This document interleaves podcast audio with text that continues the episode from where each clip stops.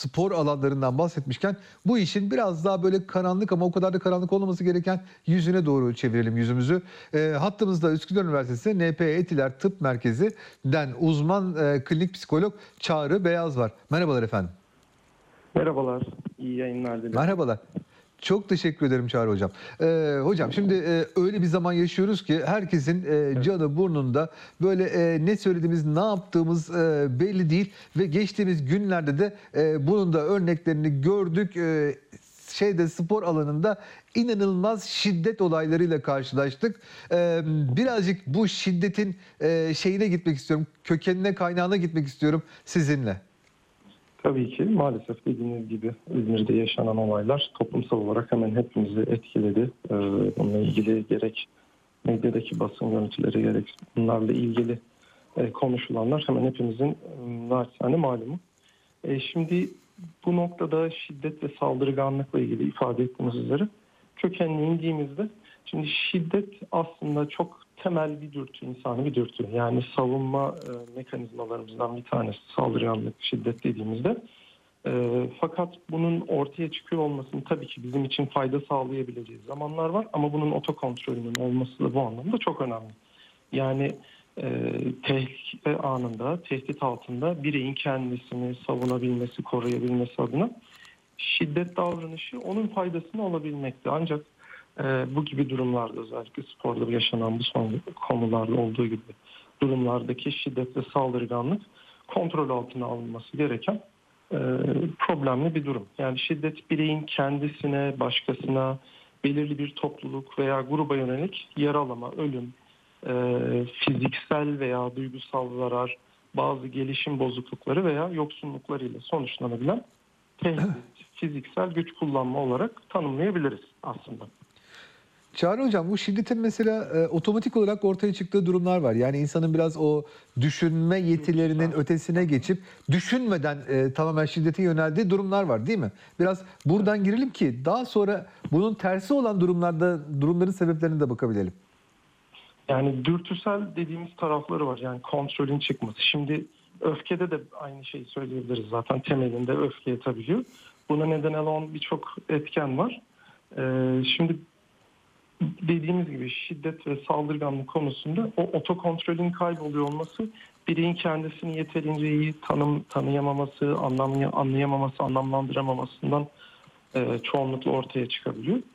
E, sonrasında öfke kontrolü yani öfke veya şiddet aslında dediğim gibi temelde bizim için faydalı olabilecek olan bir şey ama e, sonrasında bunun kontrol edilememesi, zarar verici noktaya geliyor olması üzerine düşünülmesi gereken bir taraf aslında.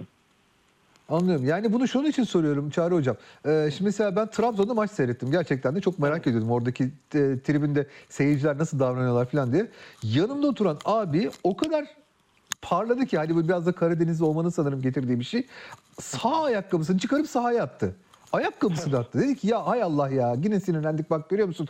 Yine eve ayakkabısız gideceğim dedi. Şimdi hani bunu bir derece anlayabilirim. O, o anda bir geldiler abiye. Ee, bir hey heyler. Belli ki her hafta geliyor abileri burada o hey heyler. Fakat şimdi bunun karşısına şunu koyuyorum. Ee, bir e, ambulans şoförüyle anlaşmak, oraya böyle gizliden gizliye patlayıcı maddeler yerleştirmek, onu tuvaletten gizlice gidip almak, oradaki insanları dağıtmak filan bu şiddet ve öfkeden farklı bir şey sanırım değil mi efendim? Şimdi bu evet dediğiniz gibi burada aslında hani o taraftarlık e, iki tip taraftarlık vardır diyebiliriz. Birisi tüketici taraftar, bir diğeri de aktivist taraftar. Yani aslında Evet. tüketici taraftar dediğimiz bu işin sporun doğası gereği aslında olması gereken sınırları içerisinde kalan, bundan keyif alan e, grubu kastedebileceğimiz kısmı bu grupta. Bir diğeri de aktivist taraftar. Yani aslında o sporda mücadele edilen takımı kendi böyle benliğinden sayabilen, kimliği haline dönüşebilen taraftar grubu var. Yani burada aslında o psikoloji üzerine biraz daha hareket etme, yani aktive olabilme dediğimiz, işte holiganlık ve holiganizmin çıkış noktasının dediğimiz kısmı burayla açıklayabileceğimiz tarafı yani aktivist ve tüketici tarafta farklı e, bu işin seyirci mi yoksa seyirciliğin ötesine geçip biraz daha işte saldırganlık işte kazanma kaybetme üzerine o dürtü üzerine kurgulanan mekanizmayla hareket edebilen tarafı aslında. Anladım. Peki bu dürtü nedir? Yani mesela eskiden spor sergi sarayı vardı Taksim'de Harbiye'de. Orada ben e, kaldırım taşlarının havada uçabildiğini ilk kez orada görmüştüm. E, ama onu yapanların arasında doçent doktorlar vardı. İşte ne bileyim profesörler vardı. İşte ne bileyim orada köfte satan adamdan yan yana durup bunlar bu söylediğiniz aktivizmi gerçekleştiriyorlardı. Yani bu insanları motive eden şey nedir efendim? Bu tür şiddete yönelmek için? Hı hı. Yani e, bu takıma öylesiye bağlılık diyebileceğimiz bir şey. Vandalizm sonunda ortaya çıkan bir şey aslında. E, bu noktada Hayır, normal kendi hayatlarında bu adamlar bir çiçeği incitmez insanlar. Ama yani takım forması giyince bir anda başka bir başkalaşım gösteriyorlar. işte dediğim o benlik algısı yani o kimlik e, dediğimiz bu politikada siyasette de karşımıza çıkabilecek bir durum. Yani takımı aslında kendinden bir parça gibi görme, görebilmeye yönelik bir eğilim aslında bu. Öyle bir e, tutum karşısında aslında ortaya çıkan davranışsal taraflar bunlar. Peki nasıl engellenebilir bu? Yani biz hani elimizde sihirli değnek olsa neyi değiştirerek bu şiddetin ortadan kalkmasını sağlayabiliriz? Yani bununla ilgili şöyle aslında çok yönlü ele alınması gereken tarafları var. Muhakkak. hukuki tarafı var, yaptırımsal tarafı var veya işte e, yaptırımdan daha ziyade olumlu anlamda pekişmesine yani bu davranışların ortadan kalkması noktasındaki takviye ve destekler de olabilir. Ama e, genelde baktığımızda bu birkaç boyutta ortaya çıkabilecek e, etkinliklerle de değiştirilebilir. E, aile ile ilgili yani şiddete meyil aslında ilk etapta bireyin aile içerisindeki karşılaştığı durum, manzara, ebeveynlerin tutumları dolayısıyla oluşabilen bir şey. Evvela ailede başlıyor diyebiliriz bu konu. Bir diğeri eğitim hayatında yani öğretmenler, eğitim öğretim durumundaki bireylerin daha sağlıklı yetiştirilebilmesine yönelik e, bir aslında pedagojik süreç hazırlığı yani gerekirse Milli Eğitim ve Spor Bakanlığı'nın da işbirliği içerisinde e, okullarda da olabilecek şekilde. Hatta bunun dışında da taraftar dernekleriyle de bakanlıkların koordineli olması bu noktada engellenmesinde önemli bir etken diyebiliriz aslında. E, hukuki tarafı da var tabii bu işlerin. Onlar ayrı tarafları bunun hukukçular daha iyi zannediyorum ifade ediyor. Evet, evet. Ben tamamen bu işe psikolojik açıdan e, sizin yaklaşımınızı merak etmiştim. Peki e, şöyle söylersek çok yanılıyor olabilir miyiz efendim? E, Hani düdüklü tencere vardır. Düdüklü tencerenin mantığı içeride büyük basınç biriktirerek yemeği daha hızlı pişmesini sağlamaktır. Ama o biriken büyük basıncı da çıkartmak için o ismini veren, o tencereye ismini veren düdük ara ara böyle o dışarıya o buharı atar. Acaba bu spordaki şiddet e, toplumda yaşanan şiddetin birazının dışarıya atılması için bir iyi bir bir şey olarak görülebilir mi? Ya da çok mu iyimser davranıyorum konuya bilmiyorum. Evet evet dediğiniz gibi aslında spor bu anlamda e, iyi yönlendirilebilirse kişinin hani o doğuştan getirdiği şiddet ve saldırganlık dürtülerinin açığa çıkmasını ama kontrollü bir şekilde açığa çıkıp devam ettirilmesinde iyi e, bir olanak sunabilecek bir nokta. Ama tam tersine de dönebiliyor maalesef yaşanan e, olay durumlar.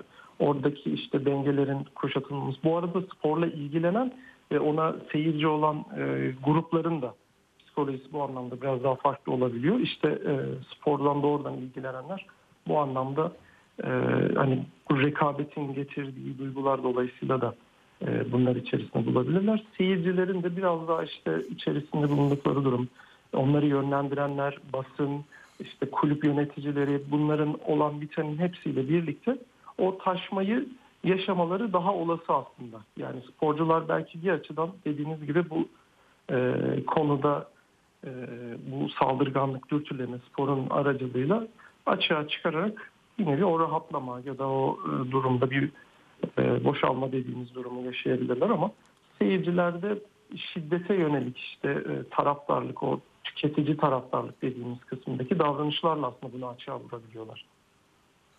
Ya beni korkutan tek tarafı şu efendim gerçekten de dediğim gibi e, doktorlar, profesörler, iş adamları vesaireler tanıyorum. E, ama şunu üzülerek görüyorum ki bu insanlar arasında bu kadar mantıklı ve şuurlu insanlar arasında şöyle bir şey yaşanıyor. İşte Fenerbahçeliler mesela ben Trabzon'a tatile gitmem diyorlar. Ya da Trabzonlular ben e, Fenerbahçe formalı birini görürsem işte şunu yaparım bunu yaparım diyorlar. Dediğim gibi bunlar e, toplumsal seviyesi çok yukarıda olan insanlar. Yani e, spor taraftarlık vesaire insanları inanılmaz köreltiyor. Bu beni çok korkutuyor. Yani bir sonraki adımda neler olabileceğini düşünmeden hareket ediyorlar gibi geliyor bana. Evet evet yani dediğiniz gibi hani bunun eğitim seviyesinden daha ziyade şiddeti, öfkeyi kontrol eden kişinin becerisiyle ilgili bir bilgiye ulaşabiliriz bu noktada aslında. Yani eğitim tabii ki e, öfke ve olumsuz duygularımızı e, tolere edebilme, onlarla baş edebilme becerimizi art- artırabilecek tarafları da vardır. Ancak tümüyle de hemen hepimiz bunu yapabiliriz. Her eğitimli kişi e, saldırganlık ve öfkeye yönelik davranışlarını kontrol altına alabilir demek de oldukça diye bir şey yok. Evet böyle bir Evet, şey evet. diyemeyiz. Yani bu öfke duygusunda da öfke tabii ki temel bir duygumuz. Ee, ama öfkenin davranışa döndüğü noktalarda e, işte problem buradan kaynaklanıyor. Yani kültürümüzde öfkeli olmak, sinirli olmak aslında bir tarafıyla hoş karşılanmayan da bir şey. Öfke, öfke aslında temel bir duygu. Bunu hissediyor olmamız e, çok normal. Ama daha- Ayıp ve günah değil ama işte biraz kontrol altına alabilsek süper olurdu. Ee, Çağrı hocam gerçekten çok çok önemli şeyler söylediniz. Ee, Çok teşekkür ediyorum verdiğiniz bu çok değerli bilgiler için. Ben teşekkür ederim. Çok sağ olun. Saygılar sunuyorum efendim. Çok sağ olun. İyi yayınlar. Evet.